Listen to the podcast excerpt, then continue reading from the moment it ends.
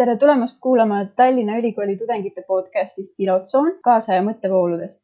mina olen Hanna-Kerta Alamets ja meie saate teemaks on keskkonnafilosoofia. mul on väga hea meel, et täna on minuga vestlemas Tallinna Ülikooli Humanitaarteaduste Instituudi Balti-Saksa uuringute ja keskkonnaajaloo professor Ulrike Platt. tere. tere. ja Tallinna Ülikooli Humanitaarteaduste Instituudi filosoofia dotsent Margus Vihalem, tere. tervist Lähme siis kohe esimese küsimuse juurde. et keskkonnafilosoofiat üldiselt võib käsitleda kui sellist keskkonnateemaliste ideede ja muuhulgas ka küsimuste kogumit. mis teie arvates äh, on selle temaatika positsioon meie ühiskonnas praegusel hetkel ja kuidas inimesed üldse teie arvates oma suhet loodusega mõtestavad, kui üldse? Margus ja mulle tundub, et see teema on äärmiselt aktuaalne, aga, aga võib-olla siin selle aktuaalsuse puhul eristaks äh, kahte, kahte tasandit, et üks tasand on see, et, äh, et kui me räägime, et keskkonnateemad on aktuaalsed, siis see tähendab tegelikult ju seda, et, et me oleme, oleme teatud, teatud lävepakul, kus me peame nagu tegema väga, väga olulisi ja tõsiseid, tõsiseid valikuid. ja, ja selles mõttes võib-olla me ei ole täielikult ühiskonnana ja, ja ka globaalselt seda seda aktuaalsust veel äh, endale jaoks teadvustanud. nii et, et ma arvan, et siin on nagu see aktuaalsus mõistetav kahes, kahes mõttes. Äh, mis puutub siis meie, meie suhtesse loodusega, siis, siis mul siin väga-väga sellist ühest ja selget vastust ei ole. mulle tundub, et see on nagu ühiskonnas paljude teiste teemadega jaotunud väga ebaühtlaselt on inimesi, kes on, on võtnud selle oma südameasjaks, kes on, kes on näinud, et, et me sellisel viisil, sellise majandusmudeliga, sellise suhtumisega loodusesse enam, enam jätkata ei saa. on, on palju inimesi kahjuks veel, kes, kes, kes ei ole seda teemat ja seda, selle teema, teema tähendust ja tähtsust piisavalt teadvustanud, nii et selles mõttes on meil veel väga palju tööd teha. Õnneks need muutused globaalsel tasandil ka on selgelt, selgelt nähtavad, vähemalt sellise teadlikkuse tõusu näol, nii et selles mõttes ma loodan, et, et selline globaalne teadvustamine ja, ja lokaalne või meie ühiskonna sisene teadvustamine käivad siin edaspidi käsikäes ja see annab, annab sellise lisa, lisahoo sellele, selle teema aktuaalsuse teadvustamisele nii, mina jätkaksin äkki sellise mõttega, et ma arvan, et ei ole iialgi võimalik, et kõik inimesed äh, arvavad, mõtlevad, räägivad ühest teemast ähm, samamoodi. et äh, on täiesti normaalne, esiteks, et äh, inimeste hoiak on erinev ja et igasugune aktivism, mis iganes ta on, põhjustab siis vastuaktivismi ja vastureaktsioone et sellega tuleb lihtsalt arvestada, see on nagu läbi ajalugu täiesti äh, normaalne fenomen ähm,, kui me räägime inimkultuurist või inimkultuuridest. pigem ma arvan, et on oluline, et see keskkonnateema oleks võimalikult laialt väga erinevate ähm, rühmade, poliitiliste parteide ja, ja, ja muude mõttesuundade sees et ma arvan, see kindlustab seda, et me ühiselt mõtleksime edasi, see ei tähenda, et me peame ühiselt sama asja mõtlema, aga me ühiselt mõtleme asjast erinevates, erinevates šateeringutes. sest ma arvan, just selles peidub äh, tema jõudu, et me ühiselt nagu paneme mõtted kokku ja igaüks nagu panustab täpselt nii palju ja selle nurga alt, mis talle vajalik on ja seetõttu ka ma arvan, et ähm, äh, kindlasti vaidleks vastu praegu sellele veidele, et ähm, keskkonnafilosoofia on äh, selliste ähm, keskkonnatemaatiliste ideede kogumit, ma, ma, ma arvan, et siin keskkonnahumanitaarias, kui seda laiemalt võtta, siin on meil hästi palju erinevad alad, kes, kes on, kes on tegelenud selle teemaga ja noh, koguvad teatud äh, teemad endale, eks ju, on nii palju, kui on olemas ka keskkonnafilosoofia, on olemas ka keskkonnaantropoloogia ja keskkonnaajalugu ja ökokriitika ja ähm, noh, kõiksugused erinevad teemad on, on, on meil olemas ja loomulikult ka mitte ainult meie, meie humanitaarias, vaid väljaspool humanitaariast ka on inimesi, kes äh, kaasa mõtlevad. Äh, nii et äh, mina näeksin pigem probleem või väljakutse selles, et kuidas need väga erinevad viisid, kuidas mõelda ähm, keskkonnast, kuidas need kokku tuua ja kuidas koos edasi mõelda, hoolimata erinevustest et kui ta ei mõtle sellisena, mis see tähendab olla inimene kahekümne esimesel sajandil ja mis, mis me siis tegelikult peaksime tegema praegu, kuidas seda mõtet arendada? siin sai mainitud nüüd äh, ühiseid mõtteid, et aga kas inimestel on üldse mingisugune kohustus keskkonnaprobleemide või sealhulgas ka näiteks kliimamuutuse eest vastutada, et kas see peaks olema mingisugune ühine vastutus, et äh, näiteks võib tuua, et äh, Rootsist pärit teismeline väga tuntud keskkonnaaktivist Greta Thunberg on korduvalt viidanud sellele, et äh, näiteks praegused teismelised ei ole isegi nii vanad, et enda eest seista või et äh, neid kuidagi oleks üldse võimalik süüdistada kõige suuremates keskkonnaprobleemides. ometi on nagu väga suur osa neist mm, just hakanud väga häälekalt tegelema nende probleemidega ja tunnevad seda vastutust just enda õlul mida te sellest arvate?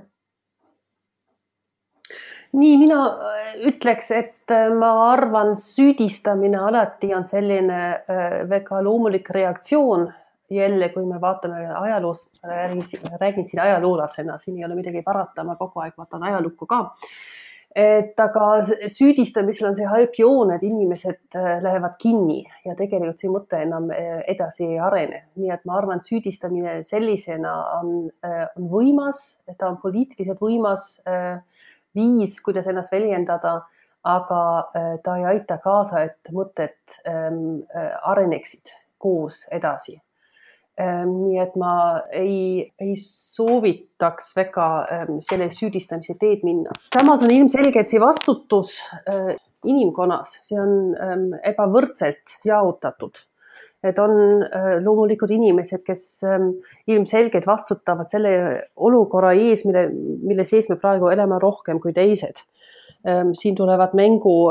kõik selle keskkonna õiglususe teema, et sellised äh, vaesed hõimud, kes elavad, mina ei tea, Lõuna-Ameerikas kusagil ähm, vihmametsades, äkki, äkki nüüd viimased, kes seal veel elavad, äkki nemad ei vastuta nii totaalselt selle, selle probleemi eest, kui inimesed nagu meie siin, kelle elu on suhteliselt mugav olnud viimastel aastakümnetel ja kes on palju rohkem tarbinud ja palju rohkem nagu kaasa aidanud, et probleem on selline, nagu ta on nii et kui ühelt poolt saab öelda, et inimene sellisena mõtlev ähm, indiviidina nagu kõik peaksid vastutama ja kõik tegelikult vastutavadki oma käitumisega, siiski mina ütleks, et see vastutus on väga ebavõrdselt jaotatud. Äh, vastutavad rohkem vanemad inimesed kui lapsed, äh, vastutavad pigem rikkamad inimesed kui vaesemad. et ühesõnaga, see on nagu hästi-hästi keeruline probleem, aga tahaks tõesti kuulda, mis Margus ütleb filosoofina selle teema kohta ja äh, sind oli Ulrike lihtsalt põnev kuulata, et ma siis võib-olla omalt poolt lihtsalt natuke täiendan, et, et mis puutub sellesse esimesse küsimusse, et kas inimesel üldse on kohustus keskkonnaprobleemide, sealhulgas kliimamuutuste eest vastutada, noh, siin ilmselt võiks tuua esile kaks võimalikku vastust, et kui, kui me lähtuksime seisukohast, et inimene ei ole kliimamuutuste põhjustaja, nagu siiamaani, eks ole, me kuuleme teatud selliseid eitajaid väitmas, et siis, siis ilmselt võiks, võiks öelda, et, et inimesel kui liigil ei ole kohustust keskkonnaprobleemide eest äh, vastutada. samas, äh, samas vastutus ju tegelikult ikkagi tähendab seda, et, äh, et, et vastutavad need, kes midagi, midagi teevad. nii et arvestades seda, kui suur on inimkonna mõju planeedi ökosüsteemile või ökosüsteemidele, siis, siis vist siin ei ole kahtlust, et, et inimene, inimene on põhivastutaja nende keskkonnaprobleemide tekke ja, ja, ja sellise süvenemise eest ja, ja sealhulgas ka kliimamuutuste eest. üha enam on neid, kes, kes arvavad, et sellisel teadus, teaduspõhi, põhises plaanis, et, et inimene on nende kliimamuutuste eest suuresti vastutav mis puutub Greta Thunbergi rolli, siis, siis ma arvan, et see on mingis mõttes äärmiselt oluline, et see on omamoodi selline, selline ärataja roll ja, ja kes võib-olla ka sümboliseerib siis sellist uue, uue põlvkonna äh, teistmoodi mõtlemist. et jah, olen, olen väga Ulrikega nõus, et, et me peaksime vaatama nagu, kes vastutab ja, ja kui palju selles mõttes, et me ei saa kõiki, kõiki süüdistada kõiges ja, ja süüdistamine loomulikult ei ole, ei ole siin lahendus, et me peame otsima pigem lahendusi kui, kui süüdlasi. ja, ja sellega on, sellega on tegelikult väga kiire aga et, et, et see, mis, mis praegu, praegu toimub, see, kuidas uus põlvkond on, see noor teismeliste põlvkond on võtnud, võtnud need probleemid enda südamesse, enda omaks. ma arvan, et see, see on väga suur jõud, mida me peame kindlasti toetama ja, ja, ja sellest võib tulla nagu midagi, midagi olulist. suured muutused, mis, mis aitavad meil seda takistada, mis praeguse majandussüsteemi poolt põhjustatuna maailma, maailma ökosüsteeme kahjustab ja, ja hävitab. nii et, et selles mõttes ma arvan, et, et peame neid initsiatiive toetama ja, ja, ja loomulikult siin, siin vanemad põlvkonnad võiksid pigem, pigem siis selle noore, noore põlvkonna energia valguses kaasa mõelda ja kaasa, kaasa tegutseda, mitte, mitte loopida kaikaid kodaratesse või, või, või isegi alavääristada või stigmatiseerida, et, et noored on võtnud selle endale südameasjaks. Mul just tuli veel üks mõte, mida ma lihtsalt äh, räägin praegu välja ka, et ma arvan, et ähm, no ma nüüd ei ole jälle antropoloog, ma äkki ei tohiks sõna võtta praegu, aga nii palju, kui mina erinevatest ähm, inimeste kultuuridest tean, äh, erinevatel ajastutel, siis ma arvan, et, et see, et ähm, äh, inimesed tunnevad, et nad vastutavad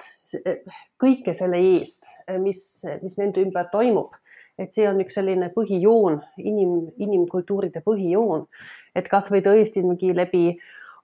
ohverduste ja teiste asjadega, et nagu aidata kaasa, et päike jälle tõuseks ja et vihm tuleks ja et eh, maaviljakus säiliks ja et eh, kütteloomad oleksid piisavalt palju, et hästi palju sellised eh, kultuurid teevad aktiivselt kaasa inim, inimene ikka oma käitumise kaudu äh, püüab säilitada ähm, noh, erinevates kultuurides seda noh, keskkonda, mille sees ta elab. Ähm, selles mõttes ma arvan küll, et tegelikult see on inimkultuuride tegelikult palju väga,, väga-väga paljude inimkultuuride üks selline äh, alusjoon, et tunda vastutust ja ikka mõelda ka, kui, kui, kui meie nüüd inimestena seda ja toda ei tee, siis asi läheb käest ära et ühesõnaga, see on natuke teine mõtlemine, nagu meie praegu on, eks ju, tegelikult meie siin praegu oleme liiga palju teinud äh, ja ei mõtle. teised ähm, ähm, hõimukultuurid äkki on ennetavalt ähm, pigem mingi selliseid riituseid teinud, et, et hoida tasakaalu. aga äh, seda, et inimene sellisena tunneb vastutust äh, looduse eest, ma arvan, see on üsnagi selline väga, väga vana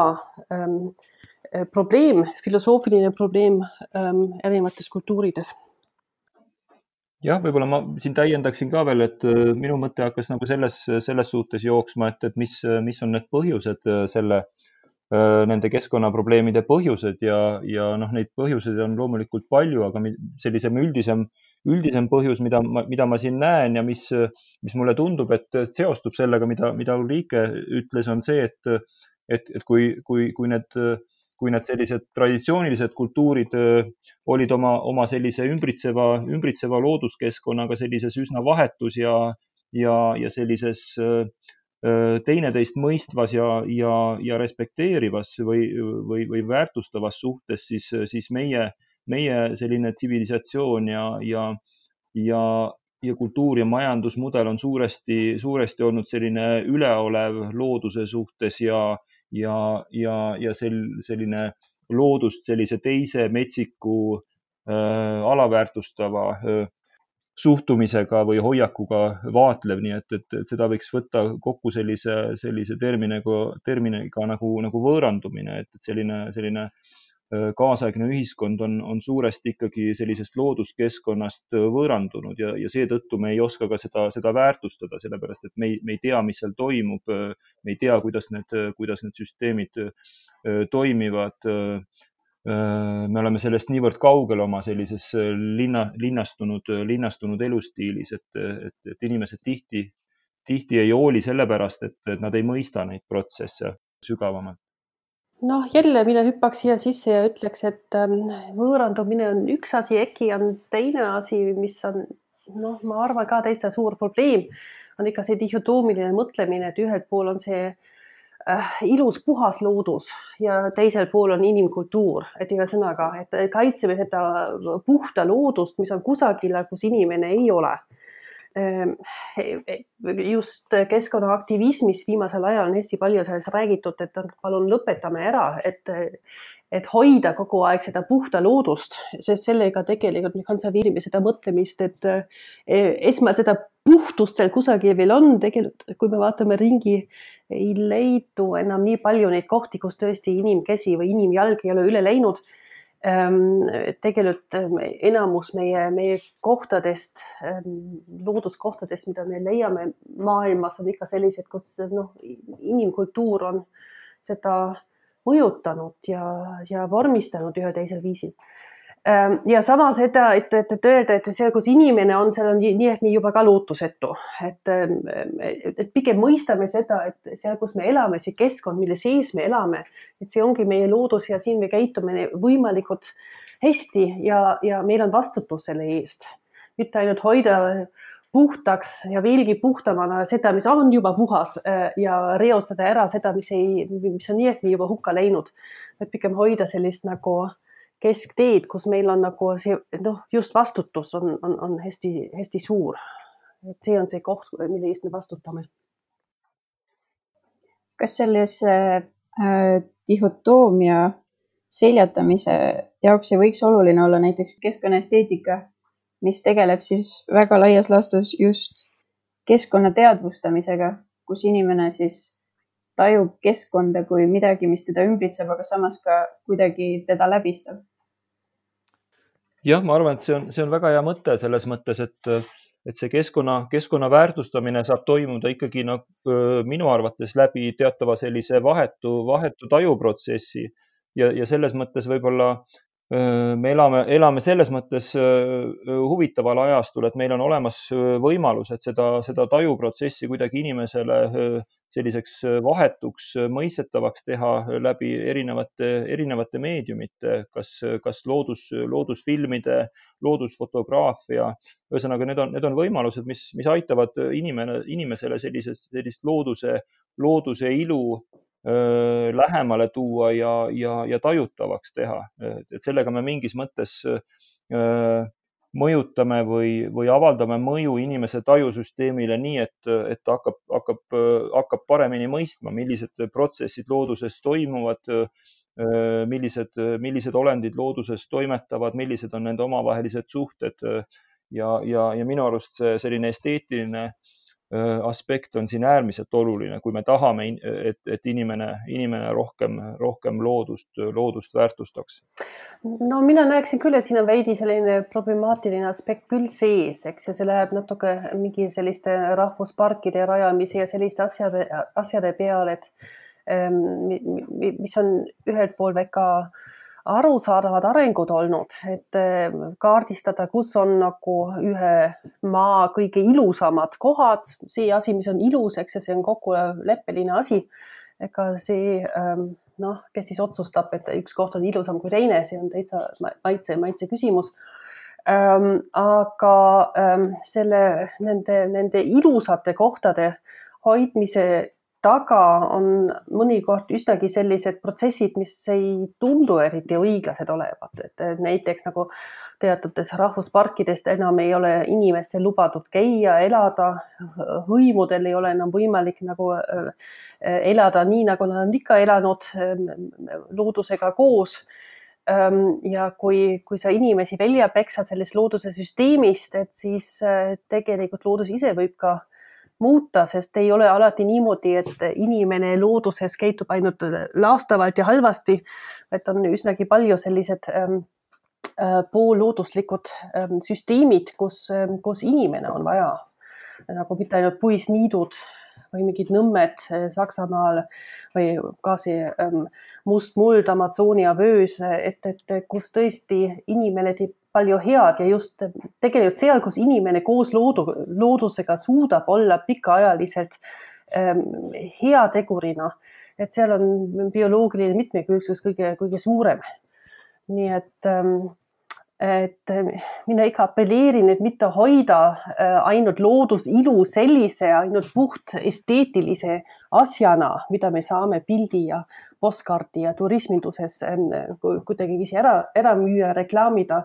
vaid ikka, ikka mõelda inimene koos, koos loodusega ja siin on äkki mingi veits teine esteetika vaja, nii et mina tegelikult natuke olen selle üle estetiseerimise vastu. ma näen, et siin on teatud oht. ja ega mina ka seda üle estetiseerimist äh, ei, ei, ei poolda, aga ma, mis, mis mulle tundub nagu oluline, on see, et me, et me näeksime, näeksime sellist looduse ilu nagu mitte ainult inimese seisukohast just nimelt, vaid me, me näeksime seda looduse seisukohast ja ja loomulikult ilu on selline äh, inimlik mõiste, eks ole, inimlik äh, kontseptsioon. aga, aga ma arvan, et see, mis, mis nagu, äh, mis, mis aitaks meil paremini loodust inimeste jaoks mõistetavaks ja lähedaseks teha, on see, kui, kui me, kui me saaksime saaksime mõelda umbes, umbes selles suunas, et, et loodus kõigis oma, oma, oma protsessides on, on, on ilus selles mõttes, et me ei väärtusta ainult rahvusparke või, või selliseid postkaardi vaateid, vaid, vaid me mõistaksime, et see looduse ilu mingis mõttes tähendabki seda, kuidas, kuidas loodus, loodus toimib ilma, ilma inimese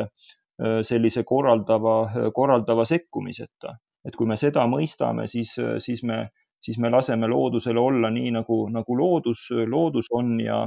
ja ei hakka loodust äh, muutma, muutma ümber sellisele inim, inimlikule ilule vastavaks äh, mingiks keskkonnaks. oot, äh, oot, oot, aga, aga, aga Margus, minu meelest sa praegu oled jälle sellises veidi dihhotoomilises mõtlemises, et nad nagu see siiski puhas loodus oma reeglite ja oma iluga,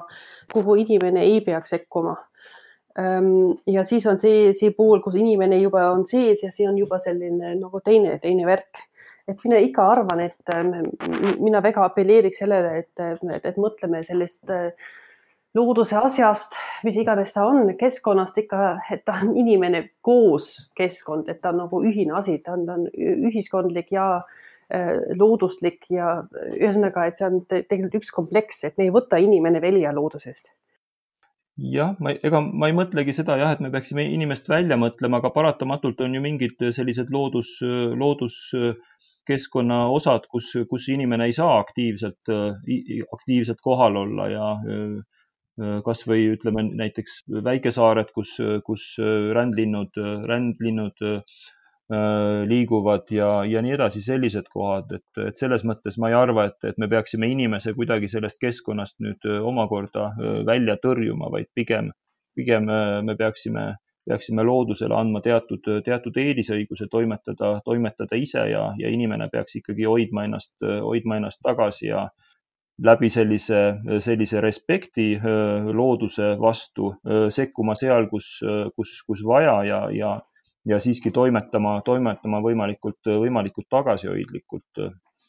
et seda, seda ma pigem pidasin, pidasin silmas mulle tundub siia vahele väga intrigeeriv küsida, et kui me räägime nüüd nendest lahendustest, mida te mõlemad olete maininud, et midagi, mida peaks leidma ja kindlasti ellu viima, et kas me peaksime siis lähenema kuidagi antropotsentristlikult ja mõtlema, et, et viiekümne, saja aasta pärast peaks inimesel siin planeedil Maa olema hea elada ja et, et on mingisugused asjad, mida me kuidagi väärtuslikumaks peame või siis me peaksime hoopis lähenema kuidagi ökotsentristlikumalt ja keskenduma näiteks liigirikkusele kui sisemisele väärtusele? nii, mina vastaksin äh, äkki nagu vana kole poliitikuna. et äh, ma arvan, et kui sa tahad maha müüa oma mõtet, tark inimene on mulle millalgi öeldud, äh, öelnud niimoodi, siis sa, siis sa püüa niimoodi teha, et teised arvavad, see on nende mõte, et nad ise mõtlesid asja välja nii et ühesõnaga, et ma arvan, et kui ma, ma ei vastanduks jälle asja, et kui inimesed saaksid aru, et selleks, et nad liigina, et nad inimesena, perekonna inimestena elaksid hästi, et siis nad peavad vaatama ka loodust, et siin ei ole teist teed selleks, et neil oleks inimesena tore. ja see, et neil oleks inimesena tore, nad mõtlevad ka teiste asjade peale ja mõtlevad ka selle peale, et äkki nad tahavad, et nende, nende lapselapsed näevad ka veel elas, elavat elevanti ja teavad, et on tiiger olemas või mingi teatud mesilased või mina ei tea, kes siis, eks ju. et ühesõnaga, et ma ei vastanduks, et ma arvan, et kui sa tahad võimsat poliitilist liikumist, siis võimalikult paljude erinevate maailmavaadete alt peab olema see konsensus, et seda nüüd teeme ära, sest see kuulub ikka ka meie agenda alla jah, ma, ma arvan samu, samuti, et, teatava sellise tasakaalu me nende kahe vaateviisi vahel peame leidma, et, et loomulikult me ei saa, me ei saa inimesi tõrjuda kusagile, mm, kusagile välja või, või, või looduse, looduse äärealadele. me elame ju mingis mõttes sellises, sellises sümbo-, sümbioosis loodusega nii hästi või halvasti, kui see, kui see praegu, praegu õnnestub. aga mulle tundub, et paratamatult Äh, kui me, kui me tahame, äh, tahame ka looduses neid, neid Ulrike poolt mainitud liike, eks ole, äh, tahame, et nad eksisteeriksid, et, et ja mitte, mitte ainult inimese jaoks, vaid ka, vaid ka iseenesest, siis sellise looduse sisemise liigirikkuse väärtustamine, kas siis ökotsentristlikult või kuidagi muud moodi, et see tundub mulle paratamatu, et, et iga liigi kadu on ju mingis mõttes, mingis mõttes väike, väike ja, ja või isegi suur katastroof sellises looduse, looduse toimimises ja, ja me teame, et, et iga, iga liigi kadu võib vallandada mingi ahelreaktsiooni, mis omakorda viib teiste liikide kadumisele. nii et, et siin me peame ilmselt ikkagi väga tõsiselt läbi mõtestama oma, oma tegevuse ja, ja, ja sellise tasakaalu siis äh, selle vahel, kuidas me, kuidas me sellel maakeral siis äh, sellise kõige, kõige arvukama, ilmselt mitte kõige arvukama, aga selgelt kõige, kõige tugevama, äh, suurema jalajäljega liigina selleks, et, et ka teistel liikidel oleks, oleks võimalik, võimalik sellel, sellel maakeral tegutseda. Jah, aga ma siiski arvan, et ähm, kui saaks rakendada seda inimlikku egoism selleks, et äh, teha head ähm, keskkonnale või teistele liikidele, et siis oleks see hästi hea, sest selle taga on tohutu jõud. et ma tegelikult kuidagiviisi ei, ma olen selles mõttes skeptik, et nüüd oleks realistlik, et terve kõik need miljardid, miljardid inimesi, kes meil on, et me kõik hakkame ära unustama oma inimlikke egoisme ja vaatame ainult mesilasi äh, ja võitleme nende eest, et, et mulle ei tundu see kuidagiviisi realistlik. aga kui me suudaksime äh, seda tohutu jõudu, kõik seda egoistlikku jõudu, mis meil kõikidel on, kui me saadaksime seda rakendada selle eest, et hoida ähm, maakera, meie ümbritsevat keskkonda, siis oleks nagu äh, väga vinge. ja eks me, kui me näeme Grete ja kõik need teised teismelisi ja, ja kõik need teised aktivismi ähm, vorme meie ümber, et siis nagu jõudu on, nii et vähe pole. nii, aga kui me lähme nüüd egoistliku inimese ja inimese enda väärtustest natuke kaugemale ja räägime sellest, et näiteks märkimisväärne osa keskkonnafilosoofiast ja eetikast tegelikult tegeleb ka loomaõigustega, siis mul ongi küsimus, et millal üldse hakati rääkima loomade õigustest ja nende sellisest eetilisest positsioonist Äh, kuidas selle kujunemine üldse toimus? jälle seda, et äh, erinevad inimkultuurid andsid loomadele teatud mitte ainult agentsust, vaid hinge ja nii edasi, seda me leiame hästi palju. et siin on sellised väga ürgsed juured all küll. Äh, kui me aga siin Lääne-Euroopas praegu vaatame, kuidas see mõte on, on arenenud siis, ähm, siis võib öelda, et see loomaõiglus suure ühiskondliku teemana, ähm, see tõusis tõesti alles üheksateistkümnendal sajandil. üheksateistkümnenda sajandi kahekümnendatel siis esimesed sellised äh, loomakaitseseltsid hakati ähm, tegema Inglismaalt ja sealt Inglismaalt edasi siis veel Saksamaal, Venemaal nagu see plahvatas siis tõesti nagu globaalseks liikumiseks mis omakorda siis ähm, läks noh, lahku erineval viisil, eks ju, siin olid mingi erinevad allseltsid. enne seda aga, kui, kui seltsid sellisena rajati, äh, oli loomulikult juba filosoofias valmis mõeldud mingi siuksed teemad läbi näiteks meil siin Baltimaades ka täitsa mõeldi juba kaheksateistkümnendal sajandil meie austatud August Wilhelm Huupel, keda me tunneme pigem topograafina. Tema on täitsa omaette käsitlust kirjutanud sellest, kas loomadel on hing või kas see hing on ainult inimestele omane ja mis see siis tähendab, kui, kui loomadel on hing. et äh, siin tulevad sisse tõesti kõiksugused filosoofilised teemad, ähm, millest kindlasti Margus oskab siis juba nagu paremini äh, sõna võtta. aga kui nüüd vaadata seda seltsi liikumist, siis võib öelda, et ähm, Venemaa kontekstis esimene loomakaitseselts äh, rajati just mitte Peterburis ega Moskvas, vaid Riias tuhat kakssada nelikümmend, äh, viiskümmend üheksa umbes nii, et nagu kas ta siis üks aasta varem või hiljem, et äh, siin on juba mingid puhtjuriidilised argumendid taga. ja nagu alati öeldi, et esimesed sellised loomakaitseseltsid pigem kaitsesid antropotsistlikud sellised huvid, ähm, et inimesed ikka tahtsid, et liha, mida nad söövad, oleks nagu noh, terve looma liha Ähm, et äh, näiteks ähm, looma tapmine oleks hügieeniline, et kõik see, äh, kõik see värk, mida, mis toimus siis äh, tapamajade ümber, oleks enam-vähem selge, et loomatransport oleks hea, hästi korraldatud. Et küll, eks ju, nad nimetasid ennast loomakaitseseltsiks, aga tegelikult nad kaitsesid inimeste huvid. Ähm, aga siiski, et sellest siis aga jälle Riias, mis oli kindlasti üks selliseid äh, eesrindlikumaid linnasid üldse Vene impeeriumi raames, ähm, siis paar, ähm, paar aastat hiljem, siis juba seitsmekümnendatel tõusis esile üks selline daamide selts, daamide loomaasüülikomitee Äh, mis oli alg, algul selle, selle meeste poolt rajatud loomaseltsi üks allharu, mingi selline väike, väike asjakene. Äh, ja daamid seal ütlesid, et neil on teine, teine lähenemine. et äh, nemad olid selle vastu, et liha süüa, nad pigem pooldasid vegetaarlust. Nemad siis rajasid tegelikult Euroopa üks esimesi loomaasüüle, noh, tähendab mingi selline looma äh, asutus, eks ju, kuhu haigeid loomi viidi, raviti, kus olid loomaarstid. Ehm, et ühesõnaga nemad just hoidsid silm peale nendele loomadele, mis olid just nagu kasvavas linnaruumis järjest rohkem väga-väga halvas olukorras. et kõik need veohobused, mis seal olid, kõik need hulkuvaid koeri, kasse,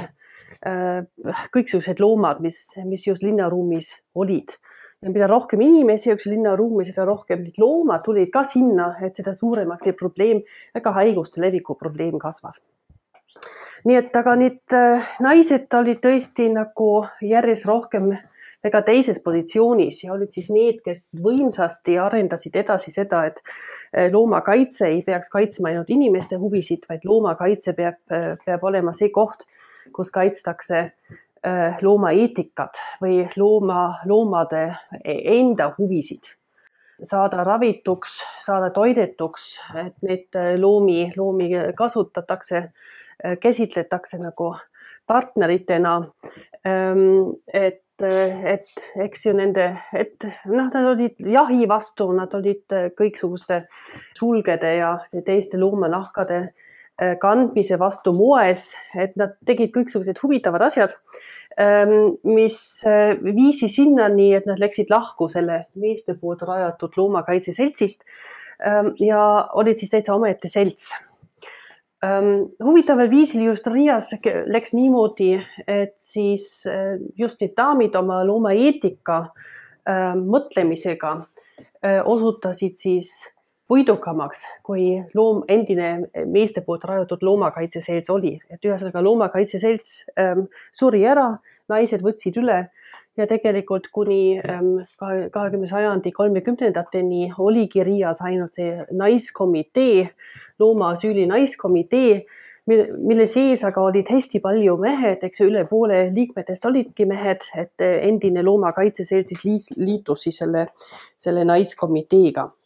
nii et siin meil, meil on selline tüüpiline ähm, või huvitav areng, kuidas, kuidas liikumises, kes algselt tegelikult kaitseb inimesi, kui ta sellest kasvab välja siis asi, mis on radikaalsem, mis vaatab inimestest kaugemale, vaatab loodust, vaatab loomasid sel, sel juhtumil siin ja, ja nõuab siis hoopis teisi asju, mis eelnevalt oli, oli võimalik aga üks ei oleks võimalik olnud ilma, teiseta ja mida rohkem jõud on koos, eks ju. no esmalt üldse peab see mõte olema, et inimene ei ole äh, nagu ainus elusolend, mida tuleb kaitsta, et siin on teised asjad ka. ükskõik millise šateeringu all seda ka ei kaitstaks, et ma arvan, ajalooliselt on vaja, et, et me üldse jõuaksime selle mõtteni ja siis juba vaatame, milline mõte nagu on siis kõige, kõige tähtsam, jääb siis alles jah, võib-olla ma lihtsalt sellele Ulrike sellisele põhjalikule ülevaatele ma lisaksin sellise väikese võib-olla filosoofilise aspekti veel, et, et, et, et, et me ju vaatame, eks ole, seda loomade õiguste küsimust mingis mõttes nagu väga pika sellise evolutsiooni ja ideede ajaloo kontekstis ka, et me võime ju vaadata antiiki, kuidas, kuidas seal loomi käsitleti keskaega meile, meile lähem, eks ole, selline kristlik, kristlik arusaam loomade ja inimeste vahekorrast, nende erinevustest. noh, võib-olla, võib-olla sellisem asjakohasem siin veel ja, ja meile lähem on selline uusaegne kontekst, kui me, kui me loeme, loeme selliseid uusaegseid olulisi filosoofe, mõtlejaid, siis me tihti näeme, et, et, et selline Äh, selline omamoodi äh, binaarne äh, mõtlemine siis sellest, kuidas, kuidas inimene on igati, igati olulisem olend, täiuslikum olend kui, kui teised liigid. et see on paratamatult, paratamatult domineerinud ja, ja siin on muidugi loomadel, eks ole, olnud, olnud võimatu kaasa rääkida sellise äh, tänu sellise hääle, hääle puudumisele või, või hääletusele. Mm, nad ei ole saanud ennast, ennast kaitsta ja, ja enda eest, enda eest rääkida ja selles mõttes mulle tundub, et, et see, mida ka Ulrike mainis, need, need erinevad sellised ühin, ühingud loomade õiguste eest võitlemiseks on olnud nagu väga oluline, oluline etapp selles, selles selliste looma, loomaõiguste tunnustamise äh, arengus et ähm, mm, kus me, kus me, kus me praegu sellega oleme, võib-olla lisaksin ühe, ühe momendi tegelikult veel juurde, eks ole, mis ka on nagu tegelikult näitab sellist, sellist inimese omamoodi sellist äh, noh, nagu enesekeskset suhtumist ja, ja väga paljugi sellist äh, oma kultuuri keskset lähenemist on ju, on ju see meie selline koloniaalajalugu, eks ole, Euroopa koloniaalajalugu, kus me, kus me näeme väga palju seda, et, et teistesse kultuuridesse, teistesse, teistesse ühiskonna vormidesse, teistes, teistes maailmajagudes on suhtutud väga üleolevalt. me näeme seal sarnasusi, eks ole, siis nende nende teiste, teiste kultuuride inimeste ja, ja loomade vahel, eks ole, neid, neid tihti on, on käsitletud kui, kui loomi ehk siis, ehk siis sellisest äh, uusaegse äh, mõtlemise, äh, sellise domineeriva mõtlemise seisukohast kui, kui selliseid alaväärseid olendeid, kellel ei ole ei, ei, ei mõistust ega, ega, ega, ega hinge ega, ega või, või muid sarnaseid olulisi asju, mida, mida siis sellisel äh, valgel, eks ole, äh, domineerival, domineerival mm, kultuuril inim, inimtüübil siis justkui, justkui on selle loogika kohaselt. nii et, et mulle tundub, et see selline ajalugu näitab väga selgelt seda, et, et, et inimene, inimene ei, ei ole, ei ole mõtestanud ennast nagu piisavalt, piisavalt selliselt teisi, teisi liike arvestavalt ja respekteerivalt, vaid on end, iseendale omistanud need äh, sellised äh, tähendused, mis, äh, mis, mis on aidanud tal ennast näha palju tähtsama ja olulisema kui, olulisemana kui, kui teisi, teisi liike. tooks siia veel ühe tsitaadi enam-vähem ähm, loomakaitse liikumisest või täpsemalt siia siit naise, naise komitee tegevusest nemad siis põhjendasid, et miks nad tegutsevad sel viisil sellise, sellisel viisil, et nad ütlesid, et kui kaheksateist sajand oli selline, kus ähm, pidi või kus kõige radikaalsem samm filosoofias, poliitikas oli vabastada inimesi teiste inimeste alt. eks see kõik siia ähm, vabaks laskmine, talupoegade vabaks laskmise liikumised ja kõik sellised asjad. Et siis üheksateistkümnenda sajandi ülesanne poliitikas ja, ja filosoofias oleks vabastada loomi inimeste alt et see on nagu selline ühine arengujoon, mille peal me liigume, et järjest rohkem vabadusi anda enda ümber ja noh, see tähendab automaatselt ka seda rohkem vastutust võtta. Mõte väga ilus. see, see, see näitab hästi palju, aga kui me vaatame praegu enda ümber, et siis me näeme nii noh, tegelikult sellist poolorjuse, orjuse sarnaseid asju tagasitulekut. et ühesõnaga, ega see inimkonna areng kahjuks nagu nii ühemõtteline ei, ei ole. et on alati selliseid taga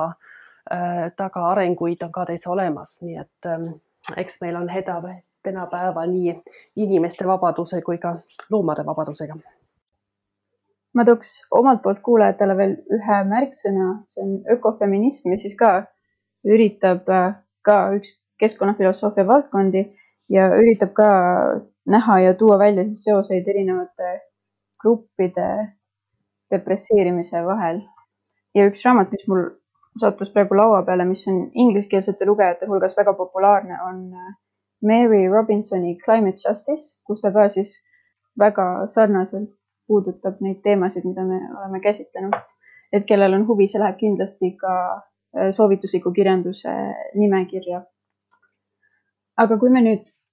püüame loomade õigusi kuidagi keskkonnaprobleemide kontekstis laiemalt vaadelda,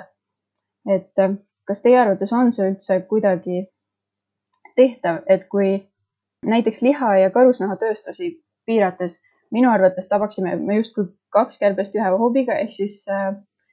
ühest küljest me saaksime vähendada näiteks metaanisaastet vee tarbimist ja teisest küljest siis äh, vähendada ka loomade ekspluateerimist.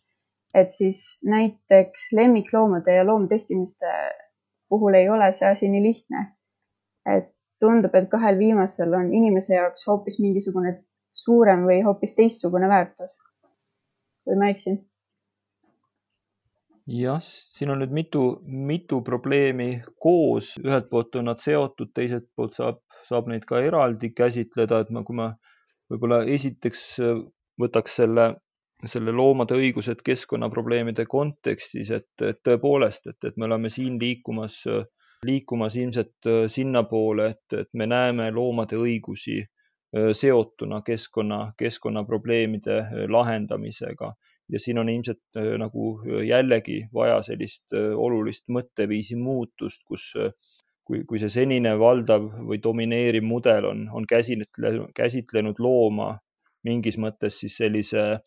toiduainete tööstuse osana, et, et siis, siis me peaksime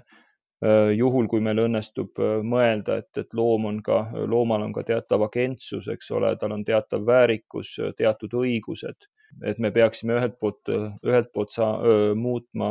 muutma seda suhtumist, suhtumist loomadesse ja teiselt poolt tõesti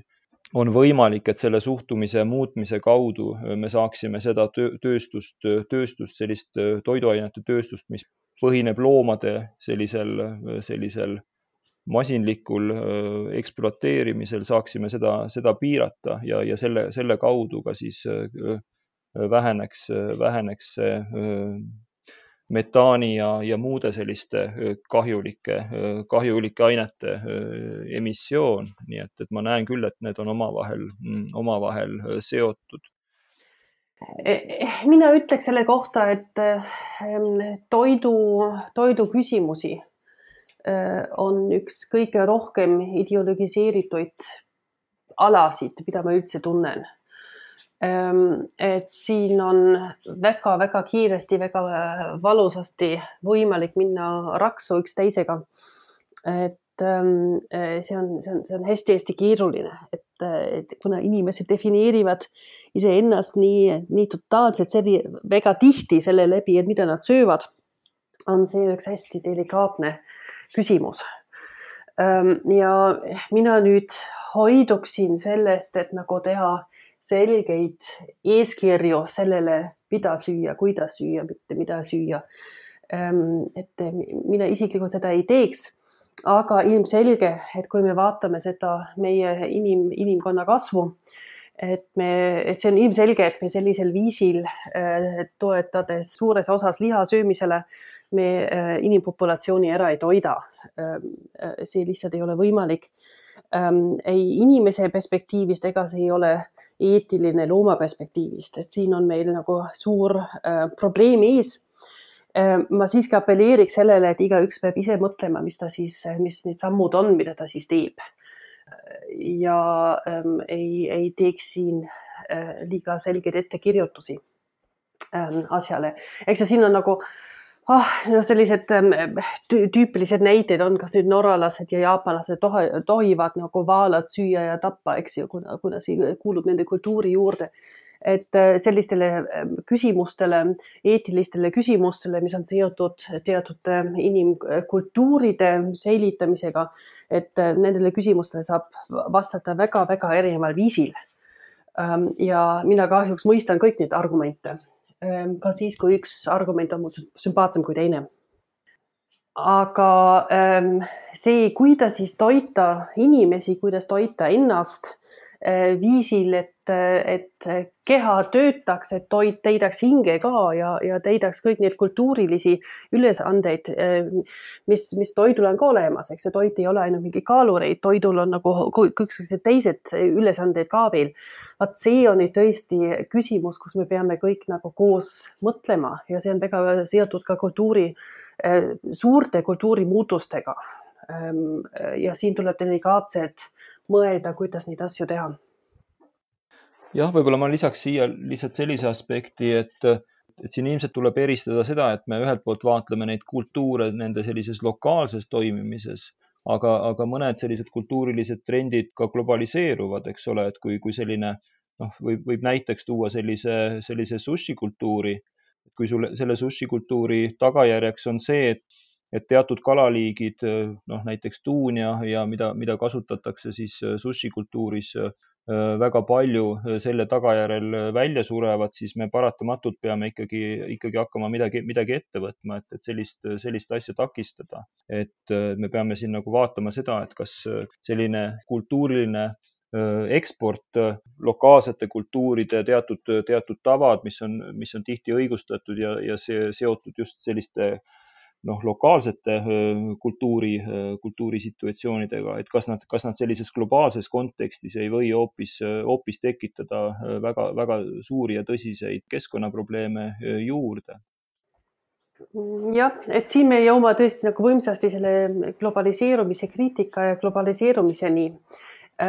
mis, millega on seotud tõesti nagu nii suur ring teisi küsimusi, et ma kahtlustan, et me ei jõua seda lahti arutada siin kohe kuidagiviisi mitte ma tuleksin siis äh, selle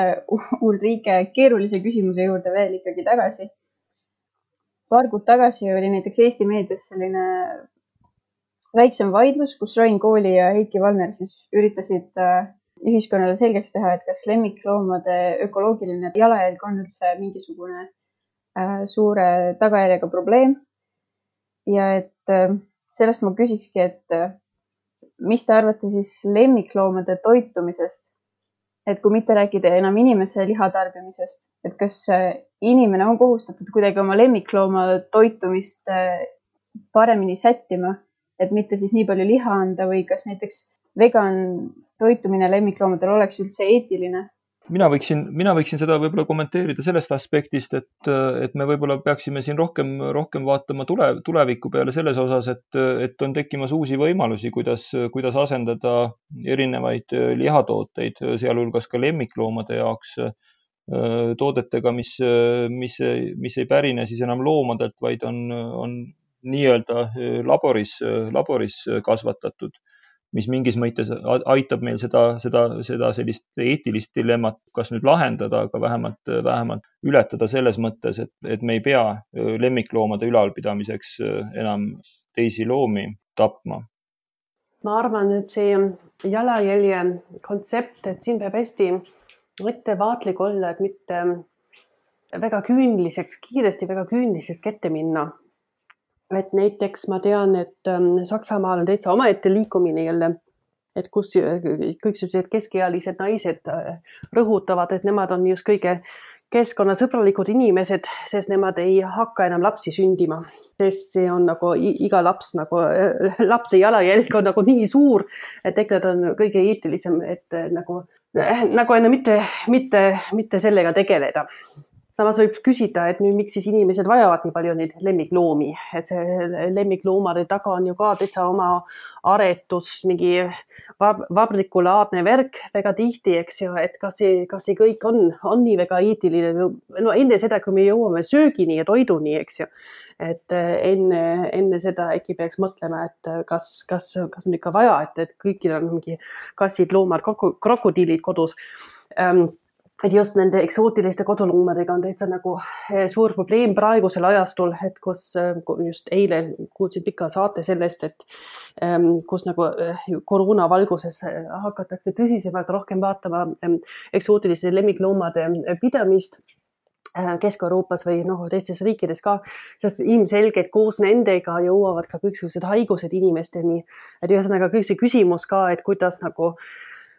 lähedasti koos ähm, elavad loomad ähm, annavad inimestele oma haigused ja vastupidi ka ja mis siis hakkab saama, see on nagu suur ähm, täitsa probleem praegusel ajastul, eks ju. et,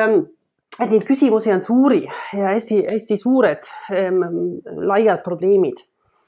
mm mina jälle nagu mina, mina ei suuda olla selline, kes nagu keelab kõike ära.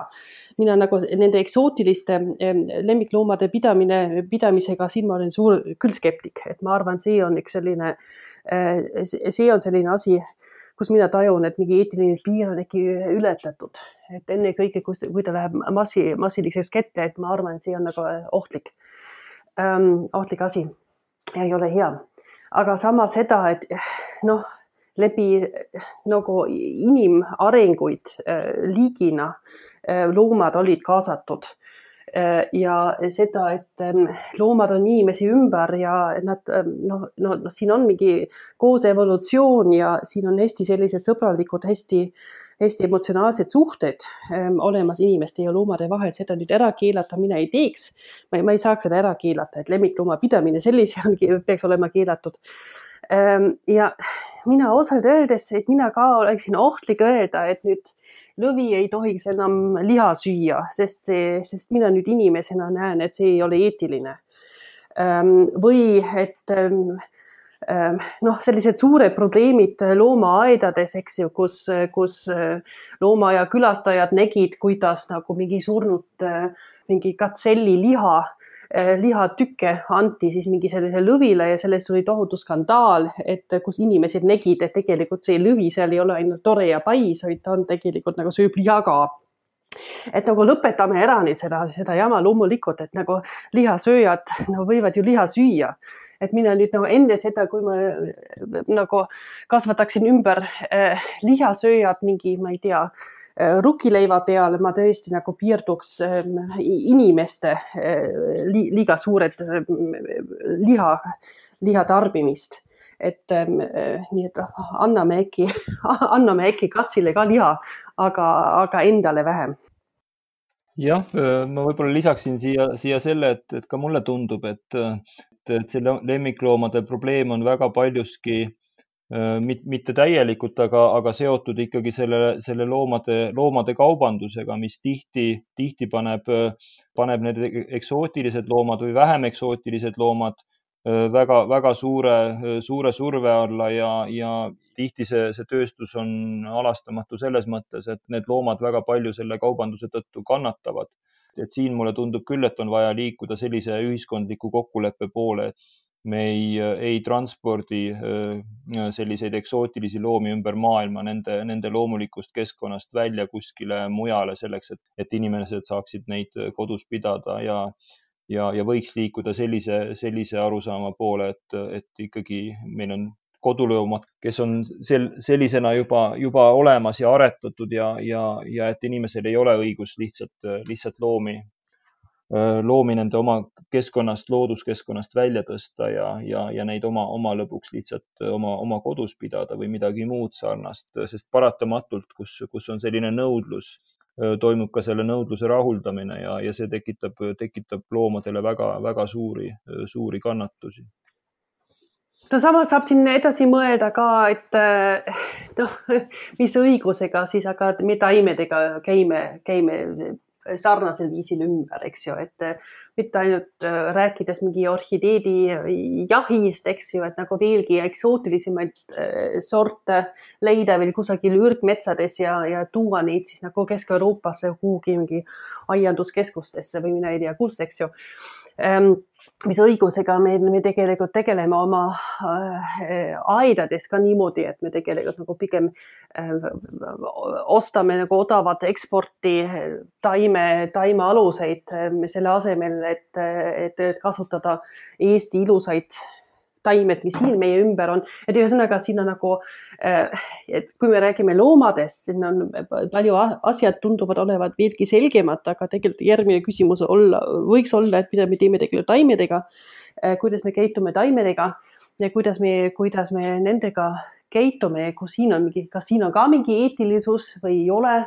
Ähm, kas, kus siin on nagu äh, Äh, bioinvasiooni ohutegi samamoodi olemas kui loomadega, eks ju, kui, kui toome sisse, ma ei tea, millised liigid, mis lähevad lihtsalt laiali, et siin on tegelikult oht ka nagu siinsele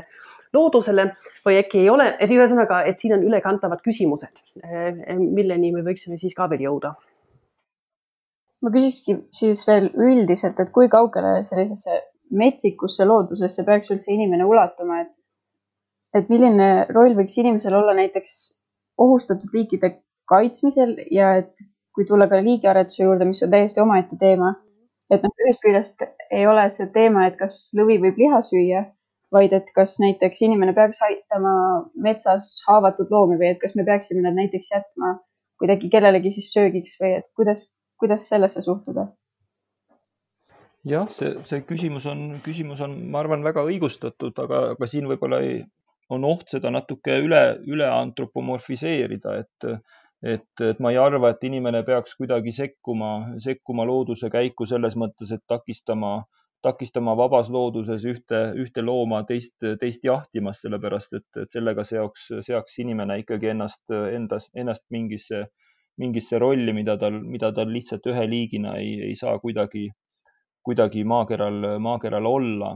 ja selles mõttes ma arvan, et, et me peaksime ikkagi respekteerima seda, kuidas, kuidas loodus toimib eelkõige siis sellise ise, isekorralduva süsteemina, kus on see paratamatu, et, et üks, üks liik toitub teisest ja, ja, ja kui me selle, kui me seda, seda seda mudelit kuidagi, kuidagi lõhkuma hakkame või takistama või ümber, ümber tege, tegema hakkame, siis, siis see sarnane, minu, minu jaoks sarnaneb väga-väga suuresti nende, nende mõtetega sellest, et mingeid jõgesid on vaja teistpidi käima panna või midagi muud sarnast, mis, mis tavaliselt lõpevad suurte, suurte katastroofidega. Jah, et mina ütleksin ka, et nagu enne seda, kui me muudame teisi liike oma harjumustes ja asjades, et muudame äkki natuke iseennast, et see on nagu kindlasti kõige lähem samm ja kõige võimsam samm, eh, mida me kõik saame teha. Eh, seda teeks, aga mina näen küll teatud silmakirjalikkus ka, eks ju, et kui nüüd nagu mingi sellised äh, looduse kaitsjad ja äh, loomasõbrad siis nagu minestavad, kui lõvi sööb katselli,